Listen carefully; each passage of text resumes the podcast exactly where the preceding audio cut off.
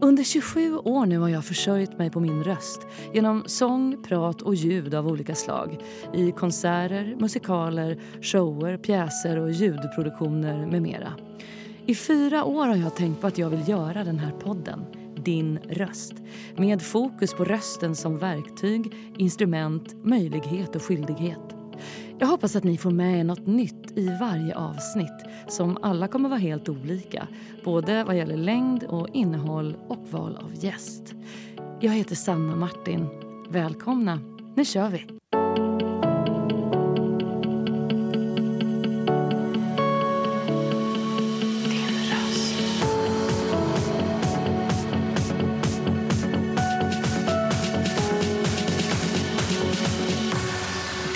Röst. Men sitter, du sitter Jag sitter bra. Jag Mm, ja, men kommer, då- jag, jag sitter och, jag kommer ändra Gud, ställning jag tycker det är jättebra att du så sitter så här Ja. mysigt. Ja, ehm, Julia Defenius. Varmt välkommen till min podd. Din röst. Tack Sanna, vad underbart att få vara här. Men så kul att ses också. Ja. Det är inte så ofta det blir så här i lugn och ro. Nej, vi bara samlas kring olika kamper Jag på Instagram. vet, vad är det här? Kamper på nätet Ja. eller liksom någon, någon form av tillställning om vi har tur ibland. Ja. Men jättefint att du ville komma och prata med mig idag. Vi ska ju prata röst idag. Alltså jag vill göra en podd om rösten och dess makt. Mm. Där vi samtalar om hur vi använder våra röster på olika plan och på olika vis. Inte minst då det är val om mindre än ett halvår. Mm. Det är väldigt spännande Jag vet. och lite hisnande och lite svårt. Mm. Vi ska Ehm, prata om det. Ja, ska vi prata om det? Ja, det ska vi prata om. Mm. Om du vill. Det ja, det vill jag väldigt gärna Mm. prata om. Jag ska citera dig först här. Mm. Jag är inte den enda som har fått blackout eller gråtit bakom scenen för att man inte kan göra sitt jobb till fullo. Hos många regissörer och chefer finns en fascination för de här männen som domderar och ställer villkor. Det är som en orkester där bastuban har ett fruktansvärt humör. Istället för att titta på dirigenten börjar alla förhålla sig till bastuban. Jaha, nu spelar han så, då är det nog bäst att jag backar lite, tänker man. Till slut står man borta i kulissen för att det har accepterats uppifrån. Det är ett citat från DN 2019. Och vi ska återkomma till vad det här innebar att använda din röst i olika kontexter över tid. Men du och Anja Lundqvist, ni var ju de som tog min podd oskuld. Med eran podd, Anja och Julia. Tack för att vi fick göra det. Varsågod. Ja, det var, Det, jag älskar er podd. ja, jag vet, och du var världens bästa pepp, peppare på, Men- på nätet. Vi tänkte så här, men nu har Sanna lyssnat igen. Vad härligt, vad glada vi blir. Ah. Vi var ju som två små flickor i den här världen med en ny plattform och en egen röst och alltihopa. Men är det inte många som säger till er att de saknar er podd? Jo, Ja. det är det. Och vi har ju, vi har ju lovat sen, var det 2017 vi slutade? Att vi ska komma med en värdig avslutning, för det gjorde faktiskt inte vi. Ni, vi kan gå in på att ni har ju eh, låtit andra saker ta över i så fall. Men, men eh, jag saknar den. Det var mest det jag ville poängtera. Ja, tack. Ja, jag, jag, jag hävdar fortfarande att, att man ska ha bra avslut. Och det Ja. har vi inte haft med podden. Nej, men alltså kanske inte nu när ni säger det. Eller hur? Ja, jag Alltså- får bjuda hit den också så får ni ha en avslutningsfest här med mig. Ja, Mm, vilken bra mm, idé. We'll see, we'll see. Vad har du för relation till din egen röst? Alltså den, den, den är ju komplex, mångfacetterad. Alltså vad är min röst? För ibland tänker jag att Alltså att formulera sig, det tycker jag har ju alltid varit kul. Analys och vad ser jag här? Och sen så kan jag tycka att jag tycker för mycket ibland. Att, jag, att det blir inte så konstruktivt och kreativt. Tycka kan alla. Mm. Ehm, och då kan jag bli väldigt trött på min egen röst. och sen rent fys min fysiska röst kan jag bli sjukt trött på eftersom jag läser in ganska mycket och använder, som du, min röst i mitt arbete. Så kan Mm. man säga, men kan hon bara tuna off det här? Turn it off. Jag fattar helt vad du menar. Ja. Ja. Så att jag, den, den är, den är, jag är både väldigt glad över min röst och kan bli väldigt trött på mig själv. Mm. Och en del röster förändras ju med tiden. Tycker Ja. du att din har gjort det? Ja, eh, både min fysiska röst och min offentliga röst har, har förändrats tycker jag. Och den offentliga rösten, det är så oerhört mycket att ta ställning till. Och, och det som du sa om valår. Det är viktigare än någonsin att man är helt faktabaserad. Har en utgångspunkt som är intressant. Jag, jag tänker ofta så här, kan jag ställa mig och skrika där på Sergels torg? Är det här är så viktigt för mig? Mm. Då ska jag använda min offentliga röst. Däremellan kanske man ska vara lite tyst ibland och göra innehåll som, jag, som en annan del av mig brinner för. Mm. Så att hitta balansen i det. Jag tycker till exempel sociala, sociala medier kan vara väldigt komplicerat. Jätte. Vad ska jag ge? Och vad vill jag ge? Och hur tas det emot? Och Ja. vad har du för ansvar i hur det tas emot? Det är också så här, Ja. det är inte ditt ansvar egentligen. Men Nej. man måste ändå ha med sig det i bakhuvudet. Ja, och samtidigt som samma sätt med podden. Vi började ju faktiskt den podden för att ha en, en, en plattform där vi fick sista ordet. Vi kunde debattera, problematisera, skämta om saker som andra hade sista ordet på efter en premiär. Det står en recension, så, så, så spelar man och så är man tyst. Vi bara, fast vi kanske vill prata mer. Vi är verkligen inte klara. Vi kanske blir klara sen. eh, ja.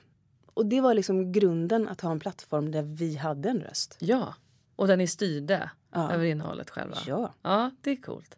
Men den, eh, din fysiska röst, har du haft problem med den någon gång på teatern och så behövt ställa in eller att du har tappat rösten eller så? Mm. Det har jag faktiskt några gånger. Jag hade ett tag när jag ofta tappade rösten i förkylningar. Ja. Gärna nära in på en premiär.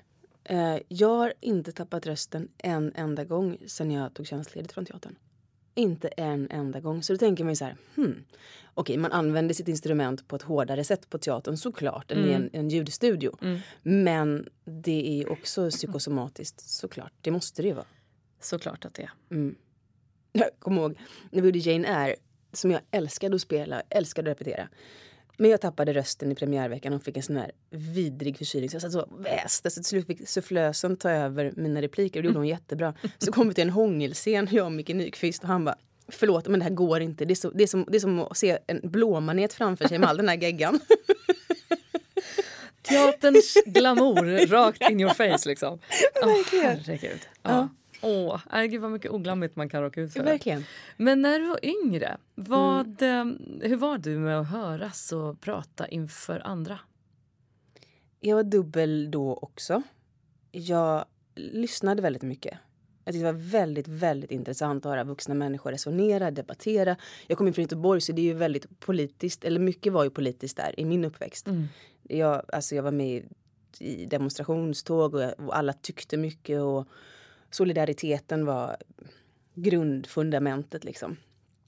Um, så att, och samtidigt tyckte jag det var läskigt att prata för vuxna. Men när vuxna hade fest så gjorde vi alltid teater, sketcher. Så då var jag inte alls rädd.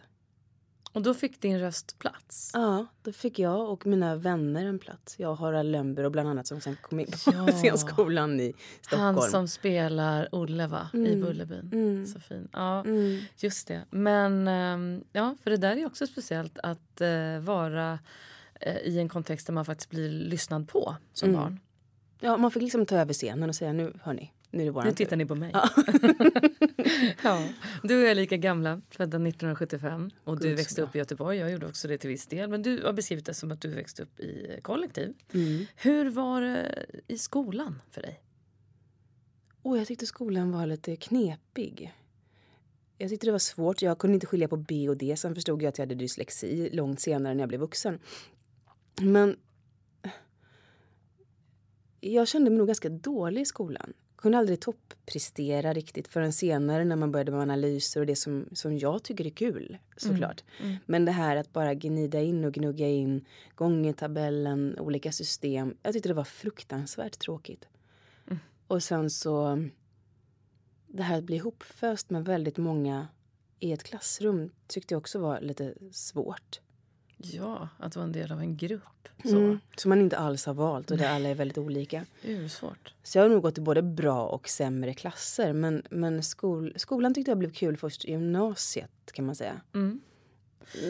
Och när du då... Eh, ja, du sa att du hade dyslexi. Mm. Vilket du har ju berättat om i olika sammanhang och det är en fråga du engagerar dig i. Vad hade du önskat att man visste om det när du gick i skolan? För det första så hade jag ju sån här skräck att komma i sån här pro problemklass med ganska stökiga elever. För jag förstod inte skillnaden mellan att inte kunna skilja på B och D och bli satt i en särklass liksom. Så jag var jätterädd för det, vilket jag aldrig vågade berätta för någon. Det var ju en obefogad rädsla. Jag var ju inte alls det, jag hade ju inte alls de problemen. Nej. Eh, så att, att förklara vad som gällde, att få mer hjälp, att förstå att man kan vara smart utan att kunna det som man, som man premierar framförallt i låg och mellanstadiet. Jag fick mm. ju kvarsittning för att jag skrev så ful handstil. Ja men, på riktigt. Alltså, det, ja. det, var ju bara skam. Man skammar Exakt, ju, du skammar någonting. Man skammar någons lärande eller oförmågor och, och det hade jag nog varit väldigt glad om jag hade sluppit tror jag. Du har ju en röst som i allra högsta grad är lyssnad på eftersom du ju läser in mängder av ljudböcker. alltså vad jag har förstått, det är ju verkligen en av, du är en av de som är liksom mest lyssnad på som inläsarröst. Vet du ens hur många du har läst in? Ingen aning. Jag har faktiskt ingen aning. Nej. Men så, så, så, jag har mer koll på de författarna som jag alltid gör. De har jag ju en relation till, framförallt de svenska. Vi smsar ju eller kommunicerar och pratar. Och jag är väldigt mån om att dem liksom, mm. eh, feedback på vad jag ser och ah. så. Och då är, går det till så då att de författarna har liksom valt dig som röst? Ja. ja. Vilket fint förtroende. Verkligen. Och sen har det hänt också att jag räckt ut en hand och sagt att jag vill läsa in det. Jag älskar ja, dina böcker. Ja. Men berätta, jag har mm. gjort massor av röstjobb och läst in allt möjligt men aldrig en hel eh, roman. Ah. Hur går det till när du tar till dig en bok och när du börjar arbetet mm. med att läsa in en bok? Väldigt olika genom åren. Um, från början så läste jag en bok, jag lusläste först snabbt. Sen så skrev jag ut små kommateringar och tänkte efter och analyserade och sådär. Um, det gör jag inte längre. Om det är någon väldigt komplicerad bok då mm. behöver jag läsa den riktigt noga innan. Som till exempel Vanessa Springora som är hennes livsverk som gjorde Samtycket. Mm. Um, då, och den, är så, den är kort och den är koncis. Men däremot är det ett fantasiflöde eller sådär. Då läser jag ofta dagen innan läser jag det jag ska läsa dagen efter. Mm. Uh, och är det ett enkelt språk så kan jag ibland tycka att jag har en, och en författare som jag känner väl kan jag ibland också kasta mig ut och inte ha läst det innan. Mm, ibland, får jag, ibland får jag ta om. För att då äh, nej, hamnar jag fel. Liksom. Ah, men, ja. men det kan också ge att, för att jag tycker det är så spännande själv. Och jag ah. tänker att det också smittar av sig. Ja. För jag tänker att jag är inte perfekt i svenskan eller sånt. Utan min, min grej är att jag, jag, jag är där i min kropp och min själ. Jag lever mig in i det utan mm. att göra för mycket röster. Mm. Alltså jag är nog väldigt känslomässig, även om det inte alltid hörs. Så. Och du tycker om den här typen av jobb? Ja, men det gör jag. Ja. Det gör jag. Sen så ska man göra lagom. Mm. Blir det för mycket så är det ganska ensamt. Eh, och sen så är det ju faktiskt så att det är inte alla böcker som är jättebra. Nej, det är det inte. Och det kan vara plågsamt. Det händer gudskelov väldigt sällan. Mm. Men, men jag försöker vara noga med att uh, få en, en, en, eh, förklaring till vad boken handlar om, en liten resumé från förlaget. Uh, ja. Och sen så mm. vet jag ju den författare som jag gillar då är det ju spännande. Ja, precis. Men det där är också en så speciell grej tycker jag. Att man ofta kan få höra, jag vet inte hur mycket du får höra det, men jag tror att många som har gjort någon form av pratjobb kan ju vara så här, men gud vad bra, det, det vill jag också göra. Kan någon säga. Så det, men det är ju, det är ju kanon liksom. Det kan ju, kan ju alla göra om man har en skön röst. Då kan jag bli lite så här, ja alltså det, jag vet inte, jobb. att vara speaker och inläsare och, och jag menar, framförallt bokinläsare, mm. det är ju verkligen ett jobb. Det är special skills. Jag tror att Storytel gjorde ett försök på det för de tänkte vi kan ju säkert få Eh, vanliga, vanliga outbildade människor att läsa in. Jag tror inte det gick så bra. Nej. Jag tror det gick skitdåligt. Mm, jag med. Jag har också ja. hört det. ja, men det går Vilket ju allt skratt. Ja. Vi går ju allt mer mot en digitaliserad tillvaro. Mm. Någonting som jag kan ha så här, eh, ja, men skräckblandad förtjusning inför. Mm. Men vad gäller just de här jobben så har det ju varit en ganska stor hjälp att inte behöva stå med papper. Mm, Vad har de digitala verktygen gjort för ditt jobb som inläsare? Alltså... Ja, det är mer lätthanterligt. Jag kan få ett manus eh, på studs. Det är bara sända, sända liksom via mm. e-mail istället mm. för en stor bunt som ska hämtas eller vi får vänta tills trycket är klart. Liksom. Ah, så får man stå och läsa ur en bok, fick jag också ah. göra i början. Ju. Ja, precis. Så det är ju klart att det är jättemycket bättre. Mm. Sen vet jag att det finns inläsare som vill ha pappersform fortfarande. Mm. Mm. Eh, och det kan man ju tycka är härligt det, jag förstår. Men det som gjort för mig är att jag har en egen studio hemma. Mm. Och kan ju... Sen är jag, jag, jag är fullkomligt hopplös på, på datorer. Alltså jag är så dålig så att... Nej, jag, får jag ringa, så dålig som han. Jag får ringa och facetima mina producenter och säga ja. hur jag är här nu och hur lägger jag upp det här. Och de är ju fantastiska såklart. Men jag känner, mig som, jag känner mig som 100, 100 år och jag är 46, mm. du med. Ja, ja. jag vet exakt. Nej, men jag, det är en jättestress. Mm. Bara när jag startade den här podden var det mm. sådär.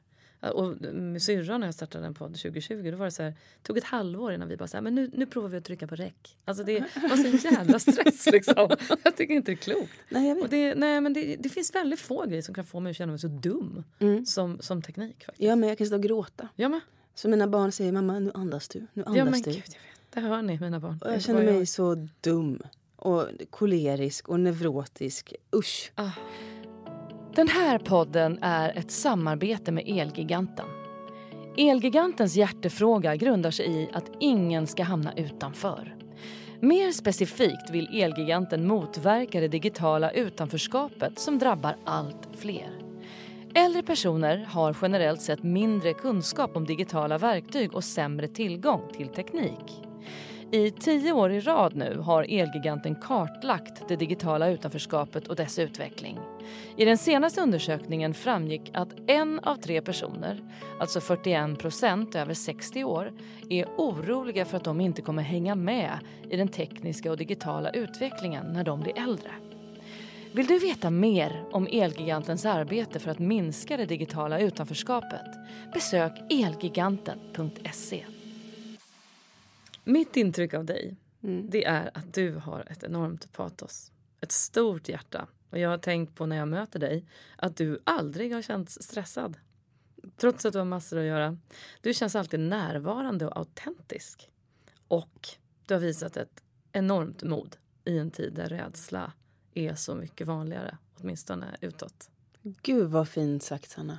Vad glad jag blir. Tack. Jag tänkte fråga om du inte håller med. Eh, Vet du vad, jag tänker alltid, jag känner ofta att jag gör för lite. Det är väl, det är väl många som känner så. Ja. Och jag eh, tänker, jag, jag kan nog visst vara stressad men när jag möter människor som, som är goda och vill ge, då, då vill jag ju ge tillbaks. Mm. Så det beror ju på vem jag möter kan jag ju säga också. mm, Jag tror inte alla har det intrycket av mig att jag är så lugn. Nej, men det är väl klart att alla inte har samma intryck av en person. Men, nej, men vad intressant. Ja. Mm. Men, eh, mm, Så att jag är också väldigt selektiv. mm. Jag är så blödig. Om jag väl släpper någon in på skinnet då, då blir det ju mer komplicerat. Då, Absolut. då blir jag ju mer sårbar. Den personen blir en tydligare person för mig. Det är Ja. lättare med dem som man tycker är, förlåt, men rövhål. Ja, ja, ja. Där är det ju otroligt lätt att ha ett rättspatos. ja, och att också främja sig. Bara, dit vill jag inte. Nej, nej. Mm. och då, då kan man vara tydlig. Mm. Däremot en person som är mer komplex och som man ser, ja fasken, den här personen har de här utmaningarna som faktiskt är ganska jobbiga. Mm. Men den har också det här. Där tycker jag att balansen och sätta sunda gränser och, och berätta vad jag... Jag kan berätta vad jag känner, vad jag tycker, vad mina erfarenheter är. Mm. Men det är också det här att jag är väldigt emot att spegla människor som inte vill bli speglade. Absolut. Precis. Det- Att det ska finnas någon form av så här, ge och ta-intresse kring det. Ja, Mm. och har någon bett, inte bett om min åsikt då ska jag hålla käften för att det kommer inte bli bra för varken den eller mig. Nej, jag hade ju, hoppas vissa hör det här. Men om det inte är strukturella problem, Precis. för då är det, då är det en annan sak. Mm, verkligen. Du debuterade ju i tv-rutan redan när du var 14 Mm. i en serie och sedan så slog du igenom rätt ordentligt när tv-serien Glappet kom 1997. Mm. Vilka dörrar skulle du säga att det öppnade för dig? Ja, det här är så intressant för då fanns det ju liksom väldigt få kanaler. Mm. Så alla såg ju den. Så det som det öppnade var att jag blev igenkänd. Jag gick på scenskolan då. Eh, så det var kanske lättare att söka praktikplats och jobb och så. Mm. Men jag blev också, min, min göteborgska vana trogen, att inte vänja mig vid det här. Det här är bara nu och så här är det. Alla människor är lika mycket värda. För jag tyckte också det var plågsamt när jag gick med mina scenskoleklasskompisar och folk kom fram till mig. Att jag spelade ner det här så mycket tills, tills Anna-Karin i min klass sa Men Julia, du är faktiskt otrevlig. De kommer att ge dig en present och du är, säger bara mm. Och det fick mig att tänka till. Men, men det var inte okomplicerat i, i, liksom, i förhållande till mig själv. Och jag var också väldigt mån om att inte tycka att jag var mer än alla andra. Jag hade haft en extrem tur. Jag hade jobbat hårt för det, men, men att det kom just då. Ehm, och sen så tror jag, eftersom det var ett feministiskt manifest på många sätt, Mm. så var det också så att jag kunde inte efter det ta vilka jobb som helst. Jag fick ganska mycket reklamerbjudanden en tid då. Mhm. Och det var ju helt omöjligt eftersom hela serien gick ut på att inte kommersialisera på unga kvinnors kroppar. Ja. Alltså jag stängde många dörrar ganska själv och jag blev blyg och jag blev rädd att folk kände igen mig. Jag tänkte att gud, har jag, ser jag konstig ut eller sådär. Jag fattade inte. Jag, jag kan fortfarande ha svårt med det när folk tittar på mig. Att jag tänker, men gud har vi sett? Så är det någonting jag inte förstår? Ehm, har jag någonting i ansiktet? Att jag inte riktigt fattar. Nej, men jag tänkte just fråga dig, vad gör det? Liksom, nu, nu har du varit en, en person som har varit mycket i tv-rutan under ganska lång tid i ditt liv. V- vad Ja. gör det med dig? Men inte så mycket. Och samtidigt gäller det att hålla en balans. För att den dagen man inte känner igen mig från tv, då har ju, om man ska se sig själv rent krasst eftersom vi jobbar mycket med innehåll. Den dagen folk inte vet vem jag är, då har ju mina aktier också sjunkit. Då Just har jag svårare att komma igenom med idéer. Alltså jag har ju ett försprång i det. För att jag har jobbat så mycket och varit synlig. Ja, ja verkligen. Så den, den balansen är, är också intressant. Och det tråkigaste jag vet är när man kommer på någon middag och hamnar bredvid någon som vill prata om mitt yrke. Det är fruktansvärt tråkigt. Men det där är ju... Det, där tror jag många kommer... Ja, men kan, kan hända, absolut. Men, men din synlighet är liksom en helt annan än vad min har varit. Men jag förstår vad du menar, för det är exotiskt, de här yrkesvalen. Men det är ju också väldigt många vi känner och arbetar med som gärna pratar om sig själva och sin prestation. Upplever inte du det? Jo, verkligen. Och jag tycker att det är så dränerande och ointressant. Eh, likadant när jag gjort en föreställning eller, eller en serie eller vad vi nu har gjort. Jag tycker att bra och dåligt är ganska tråkiga koncept att ens prata kring. Absolut, och Det det är ju så subjektivt. Ja, det är så subjektivt. Och det som jag kom på på teatern när jag tyckte att det var så plågsamt att stå och ge föreställningar som jag inte stod för. Att det som gav mig någonting det var att träffa publik efteråt, få höra reaktioner. Vad tänkte du på? Alltså min reflektion eller mitt ställningstagande är egentligen ganska ointressant då. Absolut. Att det som förgyller, det som berikar är ju vad, vad nådde ut? Vad fick du med dig? Såklart. Det är ju typ det värsta faktiskt tycker jag när man i kollegiet är så otroligt intresserad av vad eh, alla som satt i den, alltså just om vi är på ett publikrep säger vi, en premiär där det är mycket kollegor. Att sitta liksom i pausen och bara så vad tycker du? Vad tycker du? Vad ja, men jag tycker... Och jag, kan bli, jag har blivit så spyfärdig på det sista åren. Att jag känner så här, jag vill inte gå dit och tycka. Nej. Jag vill uppleva. Ja, Och jag känner också att det är liksom inte för varann vi spelar. nej. Fatta vilken liten publik det hade varit om det bara var vi som skulle vara referenser. Det är ju sinnessjukt. Det är så tråkigt. Alltså det hade ju, ja. Ah. Nej, och, och, där, och, där, och där tycker jag, där, där har ju du varit med på privatteatrar som varit beroende av publik. Medan jag har varit på institution Mm. där man kan kosta på sig att sitta på lite höga hästar och tycka att det här är viktigt. Just det. Det, och det, de har väl olika för och nackdelar båda två antar jag. Mm. Men att spela någonting som, som man inte förstår anledningen till eller vad jag vill berätta eller vad någon ska få ut av det här eller tvärtom tänka att manifesterar vi något jättesjukt här Ja, eller skapar vi debatt? just det. Mm. Ah, ja, det är jätte, Mm. jätteintressanta reflektioner. Men du kom ju till Dramaten när du var 25, va? 2000? 2000, ja. ja, ja. Och då ingick du i ensemblen i Ingmar Bergmans uppsättning av Maria Stuart. Och då var ni ju fyra tjejer. Du, Sofia Ledarp, Malena Laszlo och Lisa Welinder var det va? Yes. Som blev omtalade som Ingmar Bergmans Rabatt. Ja. Och alltså vet du att det här gick ju vidare till andra teatrar. Alltså jag var vid den här tiden, eller strax därefter, på Göteborgs stadsteater. I en uppsättning där eh, jag gjorde en biroll i Allt eller inget och vi var tre tjejer som hade ungefär lika stora roller. Mm. Och Åsa Meldahl eh, tog över det här greppet och sa så här, rabatten till oss när vi skulle flytta oss lite. Och berättade den här historien för oss. Att Ingmar Bergman sa det. Ja, men vi skrattade ju åt det. Men för att det var ju liksom något charmigt och roligt. Men, men um, strunt samma. Dramaten är ju ett mytomspunnet hus. Jag har aldrig jobbat där. Nej. Eh, hade det varit en dröm för dig länge att komma just dit? Nej men det här är ju så roligt. För jag, jag är göteborgare då. då. Mm. Och jag älskar politisk teater. Jag älskar Grotesco och deras politiska satir. Alltså jag Ja, ja, ja. älskar det. Finns Jag blir, inget bättre. nej, jag blir så glad. Mm. Så min dröm var att komma till Backa teater. För de hade musik, de diskuterade samhällsfrågorna, de rörde sig i nuet. Jag, fick praktikplats där efter, efter gymnasiet. Mhm. Och fick jobba som, som publikvärd och riva biljetter och rekvisitaassistent. Alltså jag fick massa olika uppgifter. Mm. Och se samma föreställning om och om, om igen. Och jag älskade ju det. Mm. Och jag hade aldrig varit på Dramaten förrän jag satte min fot där och skulle göra en provspelning för Maria Stuart. Aha, så du kom dit för att testa till just Mm, den uppsättningen? Okej. Mm. Och träffade du Bergman då? Eller Nej. var det andra som tog ut er? Ja, det var? Donja ja. Foyer som var hans koreograf, Ja, producent Sofie Lerström och eh, Göran Martling på sång. okej. Eh, Så jag fick träffa dem, men jag var ju så nyförlöst. Och jag tror Just att de... du hade precis fått de barn. var bara tio dagar. Va? ja, Nej men ja, jag herregud. vet. Och, då, och när du började där då? Ja. Då hade du hunnit vara lite barnledig? Ja, lite då? grann. Ja, Men, men det som var bra med hans repetitioner är att han repade varannan dag. Wow. Mm, bara några timmar. Han ville effektivisera. Han var ju gammal. Ja, Mm, så för mig var det ju perfekt. verkligen. Och jag hade en liten roll. Mm. Så det var som en skola på ett sätt. Sen vet inte jag hur... hur, hur ja, men jag lärde mig väldigt mycket av att se kollegorna jobba. Mm. Vilka arbetshästar och vilka textbearbetningar de gjorde. Det var, det var, det var fantastiskt. Jag tänkte på det kring det här med storlek på roller när du säger det nu. Mm. Eh, att det var en liten roll. Alltså, hur har din inställning varit till det där med att göra huvudroller, biroller, större, små uppgifter? Är det, Mm. Har det alltid liksom varit en eh, självklarhet och, och målsättning att göra Verkligen stå inte. i mitten längst fram jämt? Eh, Verkligen inte. Min dröm var att stå i mitten längst fram jämt. Jag tyckte nog att där kunde jag absolut vara. Ja, Jämt. Ja. Eh, Och det finns ju någonting fint med det. Att man tänker men jag är viktig, jag vill mer, jag kan. Mm.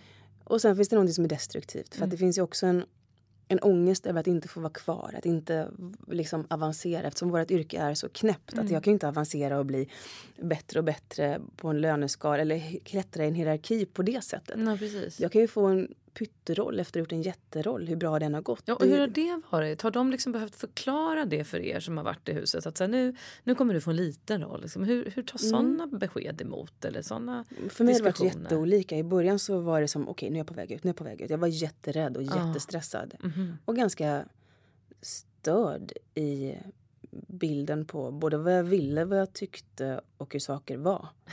Ung. Jätteung. När jag fick en chock när jag fick min dåliga, första dåliga recension. Jag var så här, men så här kan det inte vara. Jag gjort mitt bästa ju. Alltså väldigt naivt. Så det blev ju en skola som var ganska smärtsam. Den, fick jag, den, den resan fick jag ju göra själv. Och när du var i såna situationer, typ Ja. då så här, läste något jobbigt eller sådär. Mm. Fanns det folk att ta rygg på? Har det funnits bra förebilder och kollegor du har pratat med? Ja, men Marie Göransson har ju varit eh, fantastisk för mig. Mm. Pernilla August var jättebra. Hon, hon slutade ju på teatern sen. Vi hade flera bra möten ehm, och diskuterade de här frågorna. Eh, Gunnel Fred. Ja, det, fin- det finns många som har varit kanon Mm. och jättefina. Men den egna ångesten måste man ju hantera själv. Verkligen. Och sen är jag fortfarande inte på det klara med hur jag vill göra. Nu med Lust till exempel så var jag så här, mm, ska jag utsätta mig för att läsa? Och sen så fast jag är faktiskt medskapare. Jag måste göra det. Mm. För jag vill veta hur saker landar, hur man ser på det. Det är mitt jobb. Mm. Och då blir det lite enklare. Bra, ja just Mm. det. Precis. Men det där med förebilder och föregångare och inspiration och Mm. liksom bara som du säger också med spegla erfarenheter i varandra. Mm. Det är ju, jag tycker det är väldigt viktigt. Att, liksom, att ha folk att fråga och våga Mm. lita på faktiskt som har gjort saker före mig. Mm. Verkligen. Mm, och där är Marie, ja men jag förstår. Jag träffade henne Jag faktiskt häromdagen och pratade på vår lilla bar. Vi får se om det är ett bonusavsnitt i den här podden. Det kan bli så. Jag hoppas men det. eh, då citerade jag ju dig. Att, Gjorde du eh, det? Ja, hon blev jätteglad när jag Mm. berättade att du hade uttalat dig om hur viktig hon hade varit för dig. Mm. Och, det, eh, och då berättade hon att hon hade ju lutat sig själv mot Sivrud och Margareta Krook. Och så. Mm. Och det är så, det är så hisnande figurer tycker jag. Ja, Margareta är ju typ min stora idol. Och just när man tänker att så här, det går ju i arv. Mm. Nu är det du som kommer vara den som folk lutar sig mot. Ja, det, det är också hisnande. Mm. Och det tror jag är ett mer välutvecklat system på teater än om man är frilans. Mm. Då är det svårare. Absolut. Och där tycker jag det är kul att få hjälpa till. Jag, jag älskar att få uppmuntra unga, fantastiska kollegor. Det är ett privilegium. Nu har du varit på Dramaten länge och är i, i en del i den fasta ensemblen. Mm. I vilken grad har du haft möjlighet att, att själv kunna påverka vad du vill göra och inte göra? Det har varit ganska beroende på både hur ny jag var på teatern och sen vilket chefskap det har varit. Mm. Och sen min lust. För det, det är läskigt när ens lust lägger ner. Mm. När man känner att jag vet inte vad jag vill alls faktiskt. Och det här med små och stora roller. Sen kom jag till en punkt där jag tyckte att det var väldigt skönt att få göra mindre roller. Och det här blir ju då politiskt igen, men våra löner är ju katastrofala. Mm. Med tanke på en Stockholms innerstad så är de ju omöjliga att leva på. Ja, men det där kan vi kanske bolla upp. För att eh, Jag har bara varit väldigt korta perioder på institutionsteatrar. Eh, senast jag var på en sån lön så hade jag 27 000 i månaden. Och då jobbar man ju uteslutande kvällar. Man är där ganska god tid i förväg och du behöver även repetera och hoppa in och repetera när det händer någonting. Om vi förenklar liksom, beskrivningen för de som inte är i vår bransch. Men vad skulle du säga, liksom, en eh, kvinna i din och min ålder som gör medelstora uppgifter och har varit på teatern ja, säg ett gäng år då. Vad kan den ha i månadslön? Vi kan ta mig som exempel. Och jag menar, det finns perioder när det kan vara en bra lön. Om jag bara spelar tre kvällar i veckan och inte har några inhopp, då är det en väldigt bra lön. Ja. Och så har det ju inte varit mesta delen för mig. Utan man jobbar helger, eh, man är jour eh, sju dagar i veckan. Möjligtvis man är ledig måndag, men det kan hända grejer också. Ehm, man jobbar delad arbetsdag, vilket är kostsamt när man har barn. Ska, beskriv det bara för de som inte vet vad det är. Då repeterar man från 10 till 3 vanligtvis. Och sen så har man en paus till man ska vara i sminket kanske vid sextiden om man har en bra sminktid. Och sen är man klar när föreställningen är slut som kan vara allt då mellan halv nio och elva i princip. Och sen så rullar det här på. Ja. Och dina lediga dagar som du har i kalendern, du vet aldrig ifall de är lediga. För någon annan kan bli sjuk i en annan ensemble, då ska du hoppa in. Eh, Du får inte resa från stan. Jag gjorde misstaget en gång och åkte till Göteborg. Eh, jag löste inte det. Men teatern fick slänga in en annan föreställning. För jag var helt säker på att jag skulle vara ledig, jag hade jobbat så hårt. Men det, det är liksom ont i magen att alltid känna sig otillräcklig. Och det, var ju det, här, det var ju det här arbetet som jag försökte förändra. För att man märker också att kvinnor är de som tar störst ansvar hemma. Oavsett Ja. hur jämställda vi än är. Så att mitt, mitt och Maries och Elin Klinga, vi jobbade länge i en grupp för att få bort repetition kvällstid. För man kan också repetera kvällar. När Erik Stubbe kom till teatern, var det här, tog han bort det. Och det var väl, ja. Han är- tog bort den diskussionen? Ja, typ, den och diskussion, med- eller ja. det prövet att vi Okej, inte skulle repetera. Så vi tog tillbaka att man får repetera den här hela tiden. Vi blev återigen liksom livegna på ett nytt sätt. Mm. Eh, vilket jag tyckte var problematiskt utan diskussion och framförallt i metoo-tiderna och så. Eh, otroligt provocerande.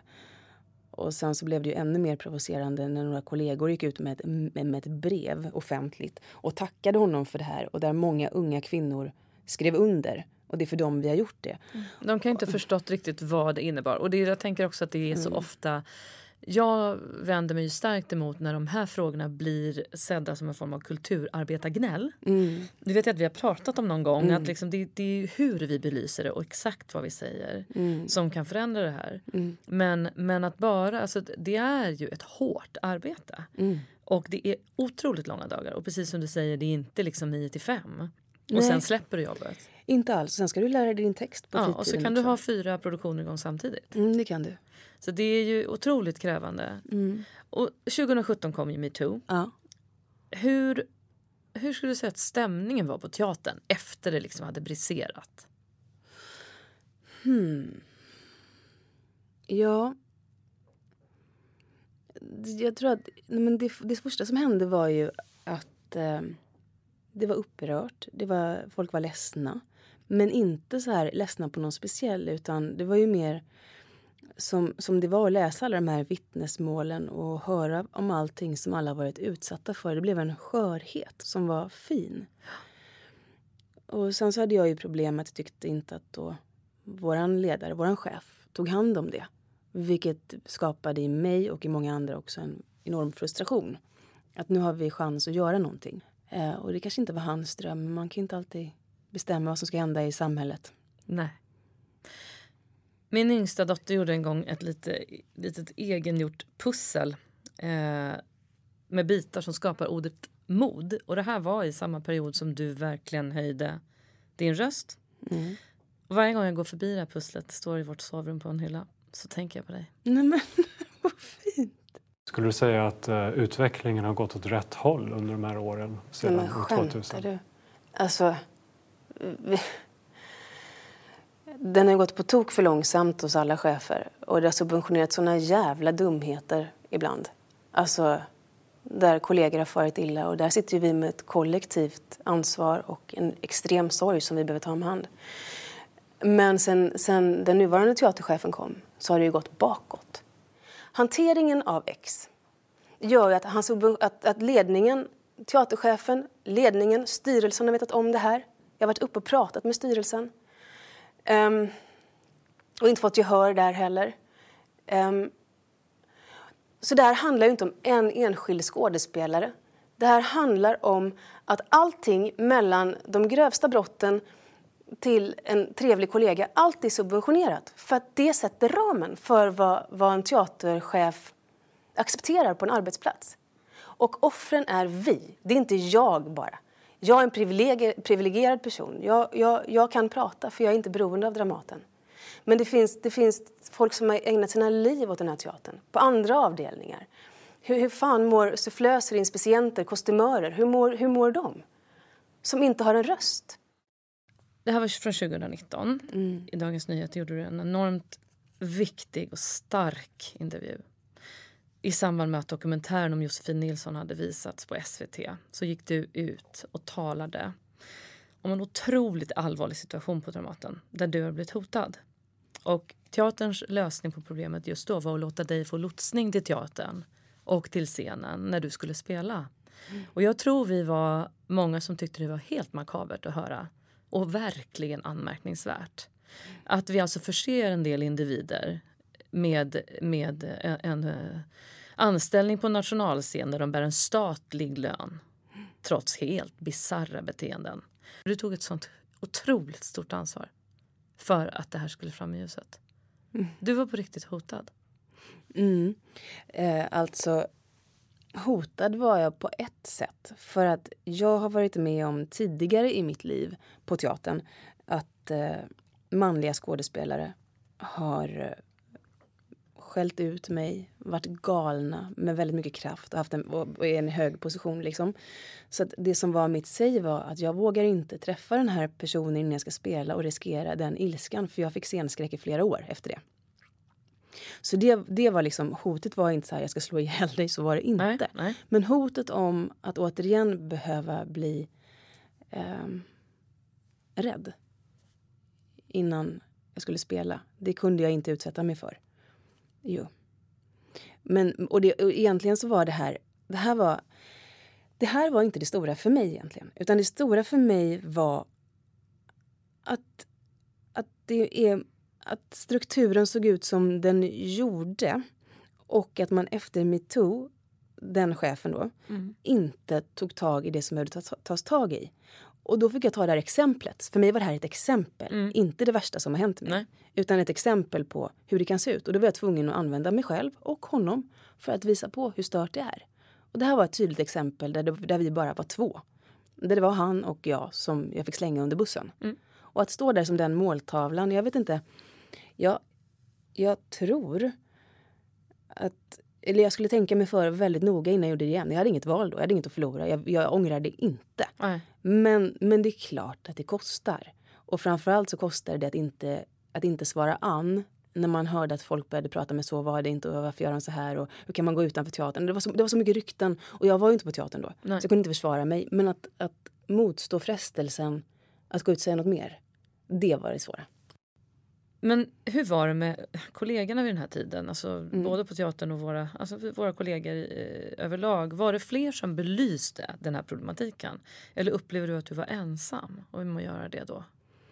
Mm, nej, det var fler. Sen så var det många som tyckte att man skulle sköta det internt och det förstår jag. Och det hade jag försökt så det var inget alternativ för mig. Men sen är det så här, det, det som hände som jag har förståelse för idag, men som också jag aldrig kommer glömma. Det är hur jag-svaga många skådespelare är. Är man in the spotlight, är man i någons värme så blir man så kan man bli förförd av den av den värmen och inte se det stora hela. Och är man frilansare väldigt ung, jag, jag köper det. Jag, mm. jag fattar det. Ja, ja, absolut. Men det var också äldre som, som fick, hade fått en liten uppåtpuff. Och mm. de, de för mig jag kom in, jag, alltså, de är fortfarande människor som jag ser på som kollegor. Mm. Men, men det finns någon form av frakt i min kärna för mm. de personerna som inte kunde lyfta ögonen och blicken och se annat till än sig själv. Absolut. Och den här... Alltså jag har ju inte varit i den situationen du beskriver och det liksom sett den här strukturen inifrån på det sättet. Eh, däremot så upplever jag det du säger att vi har en tendens till att vara väldigt ängsliga mm. kring att säga, nej, men jag kan inte ta en förlaget för att då kanske jag blir krånglighetsstämplad och inte får vara med nästa vända och mm. då kanske jag inte får någon ny uppgift på det här bolaget. Och det är ju så det där. Liksom, och där måste du ha en viss position upplever jag i en produktion för att kunna vara en röst. Ja, men så är det ju. Så är det ju. Mm. Och det kan vara olika i olika produktioner. Ja. Någon kan ha jättestark röst i en, en, en situation och mindre röst i en Exakt annan. Så. Och, och där, där hävdar jag ju bestämt att det är där vi ska börja. Mm. Vi måste medvetandegöra när vi har makt och det måste alla göra individuellt. Mm. Och sen den här ständiga producentklyschan, liksom, att alla är utbytbara. Mm.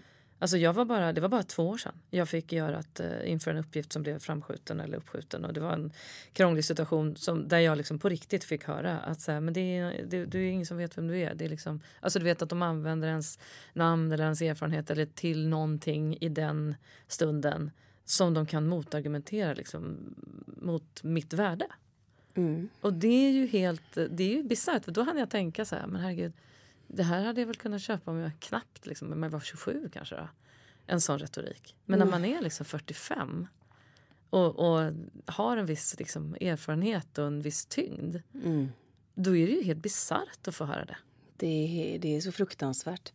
Det är så fruktansvärt och så okunnigt. För då är vi precis på väg dit. Att, att uh, har du ett stort Instagramkonto där du kan nå ut till en ja. stor publik då är du då mer värdefull än om du har the skills att göra ett, ett jobb. som Vårt jobb är ofta ganska svårt. Det, det är inte som att ställa sig som amatör framför en kamera få regi utifrån ett amatörsperspektiv mm. mot att stå på en scen och leverera sång eller text. Mm. Det är ett helt annat yrke. Men tycker du att eh, i efterhand kring mm. de här eh, det du belyste mm. när du verkligen satte ner foten har, mm.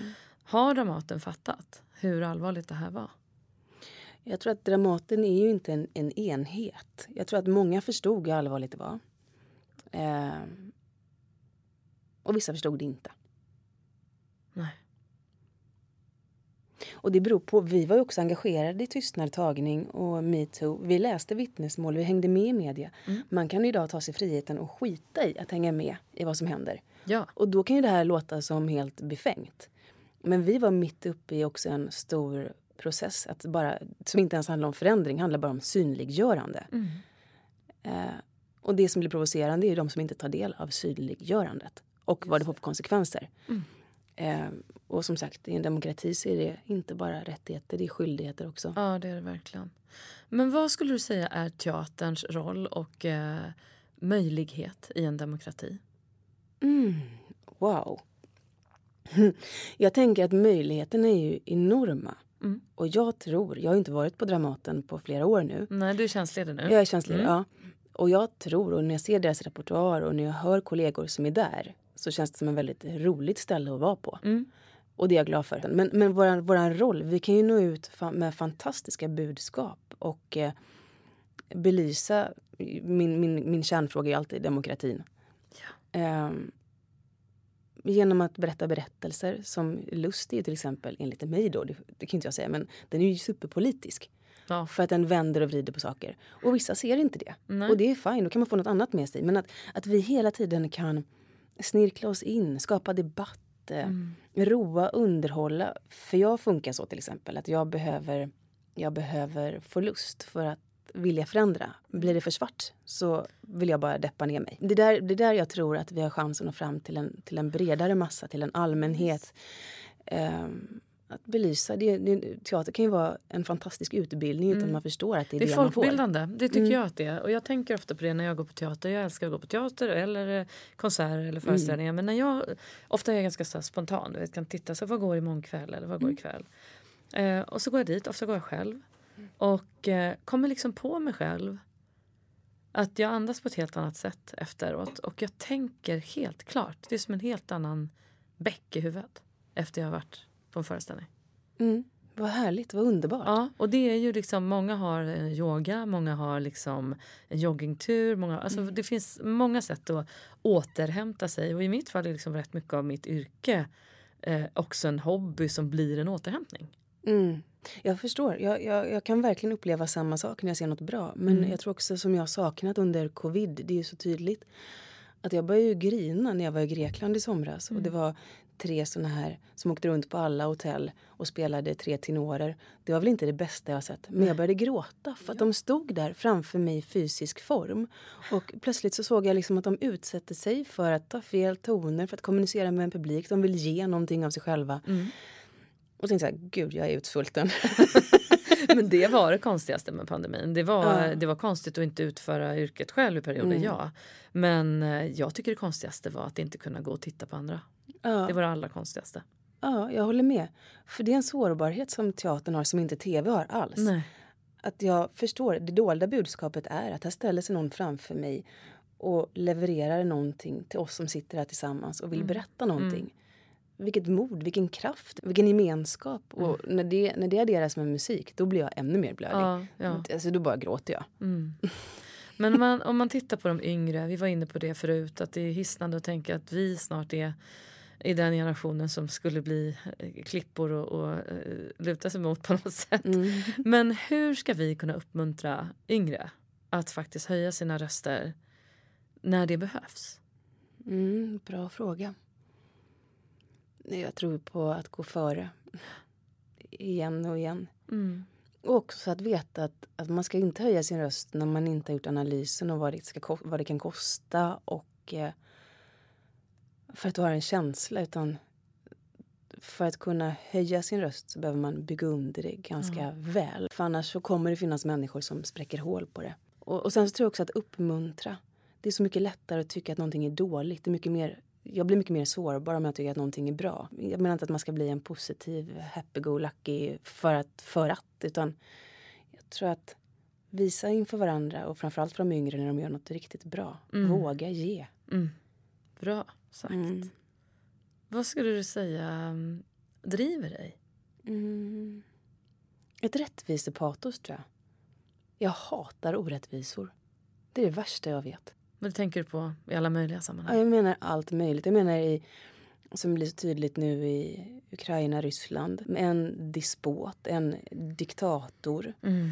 som bestämmer utflödet till folket. Jag tänker på Turkiet, jag tänker på Polen, jag tänker på Ungern, jag tänker på massa länder, jag tänker på Kina. Mm. Där man frångår mänskliga rättigheter, att, att någon tar sig friheten att, att bestämma över ett helt folk. För mig är det det är, så, det är så grovt, det är sånt övertramp. Och det tänker jag också på i politiken, att svensk politik är så komplicerad idag. Mm. Att, att om man pratar för ett parti så måste man omfamna alla delar, även personerna som är aktiva i det partiet mm. till exempel. Mm. Men att våga vara politisk i sakfrågor tror jag. Det här betyder mycket. Här håller jag med om. Uttryck åsikter, det är inte så jäkla farligt. Och jag Nej. behöver inte stå för hela alltet. Man kan välja bitar som man vill stå för. Mm. Det pratade jag med Göran Hägglund om härom, härom mm. veckan. Det finns liksom inte något eh, parti som är allt för någon. Nej. Där man kan känna sig, ah, men jag tar det för det, där är jag helt hundraprocentigt med. Det finns ju liksom inte. Nej. Man får tänka sig, ah, men det, det funkar med det jag tycker är viktigast. Och, ah, men det, mm. det, det, det, är relevant verkligen att tänka ja. på. Att, och engagemang är viktigare än tyckande. Ja. Det är väl det här tyckandet som också tror jag vår tid lider lite av. Det är så otroligt lätt att tycka. Mm. Men att lyssna och att göra en analys och att komma till en slutsats och vara öppen för andras kanske bättre input. Mm. Det kräver ju ett jobb och det tar tid. Vår samtid tillåter inte riktigt det tidsperspektivet. Nej. Men du har ju visat en enorm handlingskraft tillsammans med ett gäng briljanta kvinnliga kollegor där ni har initierat först serien Heder. Mm och nu även Lust som alltså är den nyligt eh, lanserade HBO-serien, första originalserien på svenska på HBO som lanserades i 61 länder samtidigt. Det är ju helt bisarrt stort. Hur har ni gjort för att liksom gå från idé till verklig färdig produkt? Ja, det här är ju ett, ett extremt långt svar. Jag ska bara säga att vi är den första svenska originalserien på HBO Max. Ja, mm. sorry. Mm. HBO mm. Max heter det ja. kanske. Ja, ja. Men för ja. Bra. Mm. Eh, det som började var ju, det här började ju för tio år sedan, det började faktiskt med min Anias podd delvis. Då hade jag börjat prata med Sofia Helin en del. Och vi pratade om att eh, man blir alltid vald ensam som kvinna. Mm. Eh, man får sällan möta sina kvinnliga kollegor på varken scen eller i tv. Det finns inte plats för fler än en. Och att inte bli tyckare utan att börja skapa var liksom grundtematiken. Och då kom Anja på, men ska vi göra en podd? Och då var Sofia på ett annat ställe som sa, men go, go for it. Vi tar upp våran tråd liksom, lite längre fram. Mm. Och sen så började vi ses och bara brainstormade kring idéer och vi hade massa idéer, massor av tankar. Och vi påbörjade en, en serieidé som var thriller i epok. Mm -hmm. Um, som sen när vi började höra oss för fanns en väldigt liknande. Så man åker på massa smällar på vägen. Det här tar ju tid. Det är, det är liksom återigen tid. Ja, men tid. Verkligen, mm. måste ta enorm tid. Du pratar tio år tillbaka i tiden. Mm, ja. Mm, det gör jag. Och, och, vi började inte då kanske. Vi kanske började 2015. Med att verkligen sätta oss ner. För då hade vi alla ledig tid och sa, men vad gör vi? Och sen en kväll så skrev Sofia ett mejl. Jag kom på en idé om heder då. Med advokater, vem bär skuldfrågan? Kan synd gå i arv? Det här också, när man, när man blir glad när det går bra för ens barn eller en släkting som blir känd eller någonting. Att man hamnar lite i strålglansen. Mm. Men man hamnar också i skuggan om någon är ett arsle. Att vi sa, hur gör vi upp liksom med arvsynden på något sätt? Intressant. Mm. Mm. Eh, var, en, var en av frågeställningarna. Och så började vi jobba på den och så kopplades Alexandra på. Och sen så produktionsbolag. Ja, så det, det är liksom många olika steg. Och sen så kanal, pitcha, fila om, ha nederlag. Det kanske inte kan bli. Tänk ifall de inte har råd. De kanske vill ändra det här. Alltså, det, det, det, det är långa processer och där har det varit en styrka att vara fler. Ja. För ingen har ju burit det här när man har en idé som man driver och så får man motgång. Då kan det vara lätt efter ett tag att man känner att nej, jag orkar inte med det här jävla problembarnet. Ja, men det är ju en ensamföretagares liksom fullständiga akilleshäl. Ja, det, det, är ju så. Det är inget bra. Nej, det är supertufft. Jag hade inte klarat av att driva de här processerna själv. Men var det svårt att få folk med på tåget och övertyga liksom en kanal eller ett bolag? och sådär? I de här två har det mm. gått sådär oförskämt lätt. Mm. Alltså verkligen. Sen har jag haft andra projekt, eller det, det här är ju inte det enda, men det här... Mm, nej. Med Lust så var det så att vi hade, då satt vi och jobbade på, på Sofias vardagsrumsgolv och skrev karaktärer och storylines. Jag fick faktiskt vår ursprungspitch från 2016 skickad till mig igår. Eh, roligt. Det har förändrats massor så, men det är mycket som är kvar. Ursprungspitchen från Lust ja. är från 2016. Ja. Det är liksom värt att notera när man klämmer på den där. Ja, eller hur? Att det är länge sedan. Det är sex år ja, som ni har tänkt. Det är det. Sen hade vi corona Otroligt. också. Ja, exakt. Mm. Den försenade. Och komplicerade. Mm. Vad betyder det för ditt självförtroende att, um, att faktiskt uh, få de här idéerna bekräftade? Mm. Åh, vilken bra fråga. Här, här är det återigen, jag är en beståndsdel och jag är viktig. Men jag kan inte känna så här att gud, det här gjorde jag så jävla bra. Utan det är hela tiden ett vi. Nu hade jag bara plats för en. Ja. Nej, men, Nej, det, men jag fattar helt att ni mm. är många, det vet jag. Så självförtroendet, mm. det, det som jag tänker är att det finns. Sen så lär jag mig otroligt mycket hela tiden. Mm. Att få sitta med i de här rummen, att få sitta med i bestämmande, att få sitta med och vara objektiv när man mm. står och klipper liksom, en serie med sig själv i och säga att den här scenen funkar inte eller jag är skitdålig ja, men fy vad. Nej, men jag vet, alltså, jag vet. Vi brukar ju prata om hur det är att höra varandras röster mm. typ när jag har träffat folk i den här podden och mm. vad har man för relation till att höras. Mm. Men där kan jag ju säga, jag har ju inte gjort mycket tv och aldrig filmat någonting dramatiskt. Gud, det eh, måste du göra. Ja, jag vill gärna det. Mm. Men det kan vi prata om när vi stänger av. Mm. Nej men eh, jag, eh, jag fattar inte, jag klarar inte att se mig själv på tv. Alltså jag tycker det är skitsvårt. Fruktansvärt svårt. Det är svårt. Sen så är det svårare för man har en karaktär som inte är sådär superspecifikt. Utan om, om till, vi säger att eh, händelserna och tematiken är viktigare än karaktärsbygget. När man är lite allmänt sig själv, mm. då, är det, då är det svårt på riktigt. Mm. De rollerna har jag ju såklart också gjort. Men om man säger julkalendern ja. eller lust, när man får vara någonting helt annat. Ja. Eh, och även heder, där, vi en fyr, fyr, där, där är det också mycket så att kalibrera.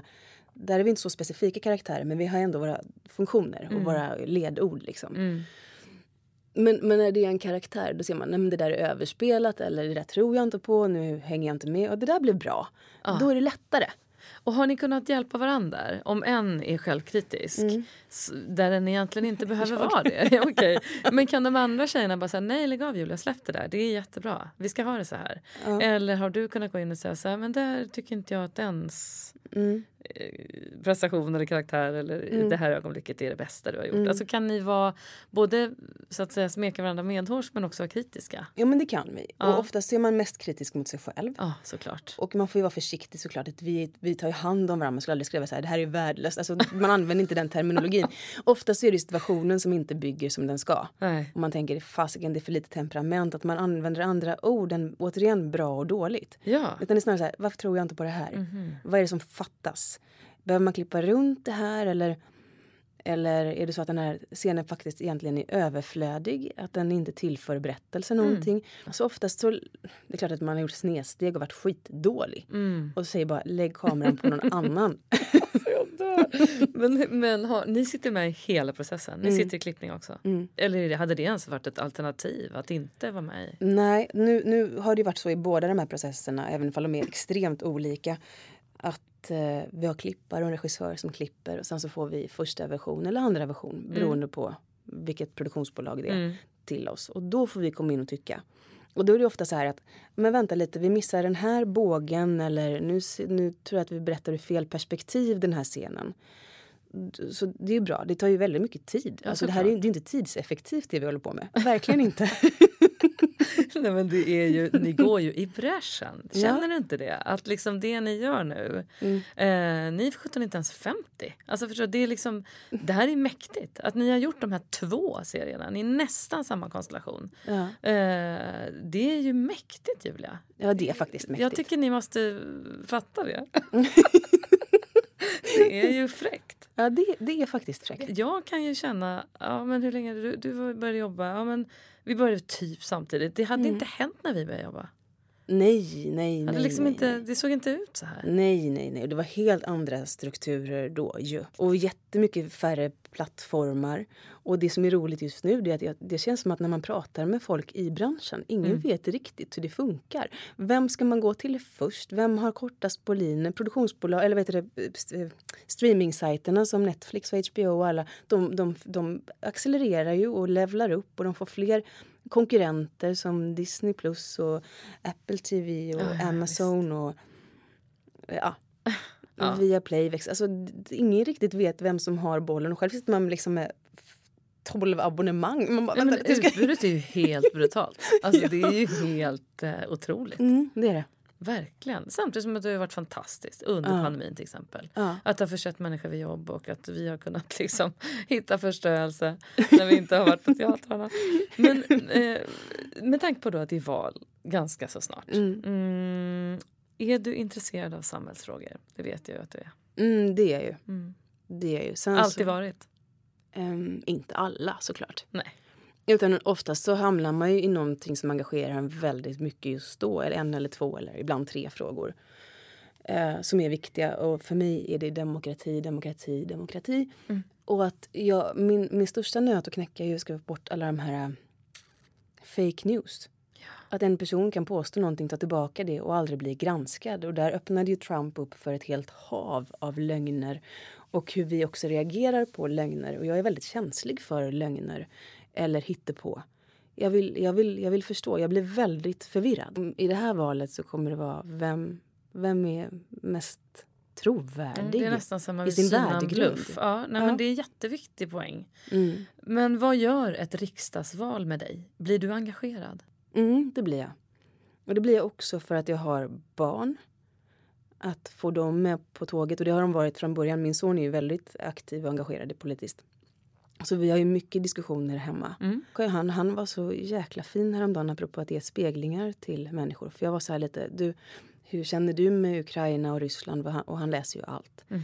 Han bara, nej men jag tycker det, jag läser på lagom mamma. Jag bara, men vad läser du på? Har du källförteckning? Han bara, eh, har påven en lustig hatt? Men det finns ju inga oberoende kanaler som jag kan ta bara del av. Jo, men det finns det väl. Det finns ju... Men kollar du på, på CNN, CNN, det är ju superamerikanskt. Det kan, du inte, det kan inte du använda som en fri källa, liksom säger han till mig. BBC då? Bättre, men inte tillräckligt bra. Mm. DN Svenskan, Svenskan, not, DN, bättre. Mm. Men han är så extremt medveten om att det kommer dolda budskap och en Ja, politisk agenda och en vridning på det. Som jag, som jag börjar lära mig liksom i vuxen ålder. Precis, de läser liksom källkritik i 8-9. Ja. Men vilken samhällsutmaning eller politisk fråga går du och grubblar mycket på idag? Jag vet inte ifall det är en fråga, men jag vill nog vända mig bortom frågorna återigen. Sverigedemokraterna provocerar mig väldigt mycket i och med att de påstår sig ha en värdegrund som, som de uppenbarligen inte har. Och det är en nagel i ögat på mig. Jag tycker, det, jag tycker verkligen att det är ganska fruktansvärt vad de står för. Men jag tycker det är ännu mer problematiskt hur de bäddar in det mm. i en kontext där de ska rentvätta det. Hur gör vi för att få varje partis essens hur ska mm. vi få fram vad som är trovärdigt och inte? Ja, jag, jag vill ställa den frågan också. Helt rakt ut på det mm. sättet. Det är jättebra formulerat tycker jag. För det, det är väldigt mycket det att du slåss för din liksom, plats i ljuset på något sätt. Mm. Och då får det kosta att inte ha tänkt igenom sin trovärdighet ordentligt. Så ja. upplever man ju det ibland. Det man ska det, vinna. Exakt. Och det, det, det vi måste få med oss det är så här, vad ska vi navigera någonstans? Var ska jag lägga min röst? Mm. Så att det blir minst dåligt för det här landet närmsta mm. åren. Alltså, om man ska hårdare så är det ju det det handlar om. Mm. Jag är väldigt trött på att se debatter där man ska göra ner varandra hela tiden för det får ingen verkan när man faktiskt behöver göra ner någon. Det är som att jag vill se en debatt på riktigt. Du tycker så. Jag tycker så här därför och därför och därför. Jag, jag vill inte se människor göra ner varandra. Nej. Det känns som att vara på liksom gladiatorspel istället för en partiledardebatt. Ja, exakt. Sen är ju politik ett... Eh, eh, det var så fint när jag träffade Amanda Lind, det var i mm. andra avsnittet. Då sa hon att politik är ett sätt att vara oense på ett strukturerat sätt. Mm. Eh, något sånt sa Nu citerade jag säkert lite fel. Men det var bra sagt. För att det är ett strukturerat sätt att eh, diskutera och att mm. inte vara överens. Och där tycker jag man kan ta en titt på vad de olika partierna har för kulturpolitik. För det är ofta någonting man kan se historiskt sett har rykt först. Mm. I ett samhälle som är på väg åt ett håll som liknar mer diktatur än demokrati. Att det är det första som ryker. Mm. Så om man är intresserad av demokrati och alla människors lika värde. Ja då kanske det är där man ska ta sig en titt. Men det var ju, jag vet inte om du läste det, det var ju i Dagens Media tror jag som Jan Scherman skrev en sån otrolig krönika Bra. under pandemin. Där han beskrev kulturen som näring, dels en bransch alltså som mm. är en näring. Men det är också näring för folket och för själen och för mm. tankar. Och att det borde vara ett mycket viktigare och tyngre departement mm. än vad det är. Och det ligger ju urmycket i det. Mm, för att demokratifrågorna ligger på kulturministern. Mm. Och eh, frågan är ju hur vi kan stärka kulturen. Mm. Brukar du eh, våndas inför du ska rösta på? Eller brukar du tycka det är ganska lätt? Ganska lätt. Alltså, ja, ganska lätt. Mm. Jag har haft, eh, för, för kanske två val sen, så hade jag lite mer bökigt. Mm. Förra valet var det lätt för mig. Mm. Och jag tänker mer och mer, vad kan jag skriva under på mest? Vilka kan göra mest för flest? Mm, just det. Det finns ju liksom två saker som vi i allmänhet i Sverige har lite svårt att prata om. Och det är ju typ så här vad vi tjänar eller mm. vad vi röstar på. Vi pratar ju hellre mm. om helt så här super, andra ganska så integritetstveksamma grejer. det är lite märkligt hur det liksom har blivit så. Jag, men jag, jag, jag menar, jag, jag, jag, kan säga väldigt så här, jag röstar all, sällan på samma och jag tjänar aldrig samma. Nej, nej. För mig är det, inte så, det är inte så intressant att höra mitt svar. Och liksom, men, men hur tror du att det kommer sig att det här är känsligt att prata politik? Jag tror att det handlar om att man ska stå bakom en, ett helt partiprogram om man säger det. Att vara politiskt aktiv. Vi är ju inte partipolitiska i Sverige överhuvudtaget. Och hur engagerar man sig politiskt då utan att bli, bli partipolitisk. Just det. det är jättesvårt. Men där, det, det är som, alltså, engagemanget är det viktiga. Mm. Med det sagt så, så behöver vi som ska rösta veta mm. vad, vad är kärnan i det de vill. Mm. Jätteviktigt värdegrund, partiprogram. Mm. Men du är engagerad, inte minst i då, som jag sa tidigare ämnet dyslexi. Är, du, är, mm. är det mycket annat du engagerar dig i? Men jag tror att jag kanaliserar engagemanget jättemycket i innehåll just nu. Och jag märker det när, när jag inte jobbar med något projekt eller så som oftast har ett ursprung i en tanke, en reflektion som känns relevant. Då börjar jag också tycka jättemycket om allt möjligt. Mm. Men eftersom jag har haft möjlighet att få jobba med två så här stora projekt under så många år mm. så bakar jag in jättemycket av mitt engagemang där. Mm. Och jag kan också tycka så här, har man stått på barrikaden för en sån sak som jag gjorde, Mm. då, då, jag kan göra det igen och igen och igen. Men jag vill inte bli en tyckare. Nej. Och jag tror inte du kan det. Alltså din kraft, alltså ens kraft räcker inte till Nej. runda två, tre, och fem och sex i, det, Nej. i den nivån. Liksom. Men ehm, du har ju två ganska stora barn. Mm. Vad är det Mm. främsta du och ni vill plantera i era unga när de ska liksom gå och göra ett val? Jättemycket värdegrund. Gå till botten. Värdegrund, värdegrund, värdegrund. Och som sagt, min, min son är partipolitiskt engagerad Mm. sedan många år. Så honom behöver man ju inte entusiasmera överhuvudtaget. Ja, men det är roligt för att jag vill inte heller pumpa till exempel min dotter då.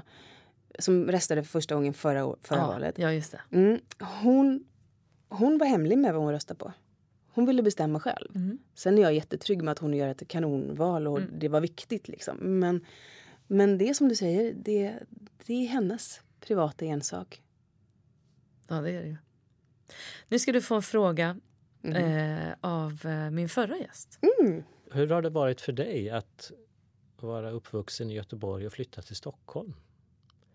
Det, är en, det var ett stort steg för mig när jag gjorde det. Jag hade jättemycket fördomar om Stockholm till exempel. Som ofta, nästan alla kom på skam. Vilken toppenbra fråga. Ehm, för mig var det chockartat faktiskt. Helt chockartat. För Göteborg, man kan säga vad man vill om det, men folk tjötar. Man kommer in i en affär och säger hallå, hallå, hur är det idag? Som att man känner varandra. Ja, jag älskar det där. Ja, jag med. Men för mig var det så normaliserat att, att det var så man kommunicerade. Och man pratade bara, åh fan jag hade mensvärken, åh vad jobbigt. Och så var tamponger där. Alltså, liksom, det, det var inte privat. Men när jag kom hit så upplevde jag att när jag slängde ur mig det här som jag tjötade om i en vanlig affär så var det väldigt privat här. Eh, vilket gjorde att jag... Oj, nu är det någon som knackar Mm. här. Men, ja, men gud vad störigt. Ja, Ja, prata ja, men på. vi får- det, det får- det, de får- det de är inte knacka. här. Ja, ja. Nej, de vill inte komma in. Eller de får inte komma Men in. vad galet, så du betedde dig lite så här göteborgskt i Extremt. Stockholm? Varpå folk tittade på mig som att jag var galen. Eller, eller blev väldigt nära vän med mig innan jag tyckte att vi var kompisar alls. Mhm. Att det var så här, man, man är allmänt glad och man tjötar och man tittar folk i ögonen. Och så så jag, nej, jag hade en kulturchock. Yes. Ja, och jag fick nog en liten depression. Jag kände mig lite ensam. Åh, För det var inte alls på samma sätt. nej, vad tråkigt det är. Eller depression, det var för starkt ord. Men jag kände mig lite tilltufsad kan jag säga. Nej, men jag tror att min man som göteborgare, han skulle nog Mm. hålla med. Mm. Jag kan också känna att det liksom, har man bott i Göteborg, det är lite eh, mys, Ja. mysigare. Det är mysigare. Sen är det lite mindre. Ja, Sen finns det verkligen en jante där Ja, också som är väldigt mycket större. Fast, man, Mm. fast den ser lite annorlunda ut. Mm. Men, så jag vill inte bo i Göteborg, men jag älskar Göteborg. Ja, absolut. Håller med.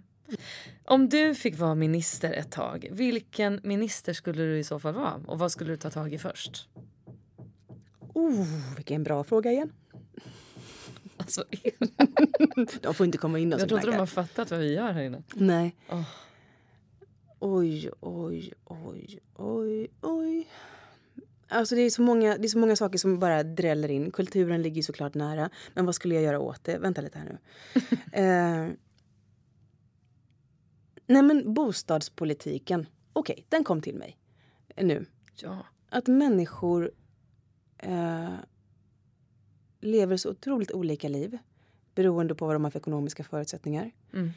Ehm, jag hade haft väldigt mycket pengar när jag var den här ministern också. Mm, just det, det hade du Ja, haft. det hade jag haft jättemycket. Då hade jag ju sett till att det är klart att jag bryr mig mer om ett område som är estetiskt vackert än ett område som är fult, eh, tråkigt, kallt, dragigt, eh, dåliga material. Mm. Jag hade sett till, jag hade sett till att jag, hade, jag hade velat jobba för att alla ska få kultur och skönhet i sin vardag via boende. Mm. Bra. Mm. Hur vill du helst fortsätta att använda din röst framöver? Genom att skapa innehåll. And you're doing it. Tack för att du ville vara med, Julia. För att du ville höja din röst hos mig. Tack Sanna, det var helt underbart att få prata om allt det här och om mig själv ett tag. Det var ljuvligt. Ja, Tack. ja men tack verkligen. Tack för att ni har lyssnat och tack snälla Julia för att du ville komma och prata med mig. Tack Elgiganten för att ni vill vara med och skapa den här podden. Och tack Casting by Smile för att vi får sitta i ert mysiga rum. Hej då!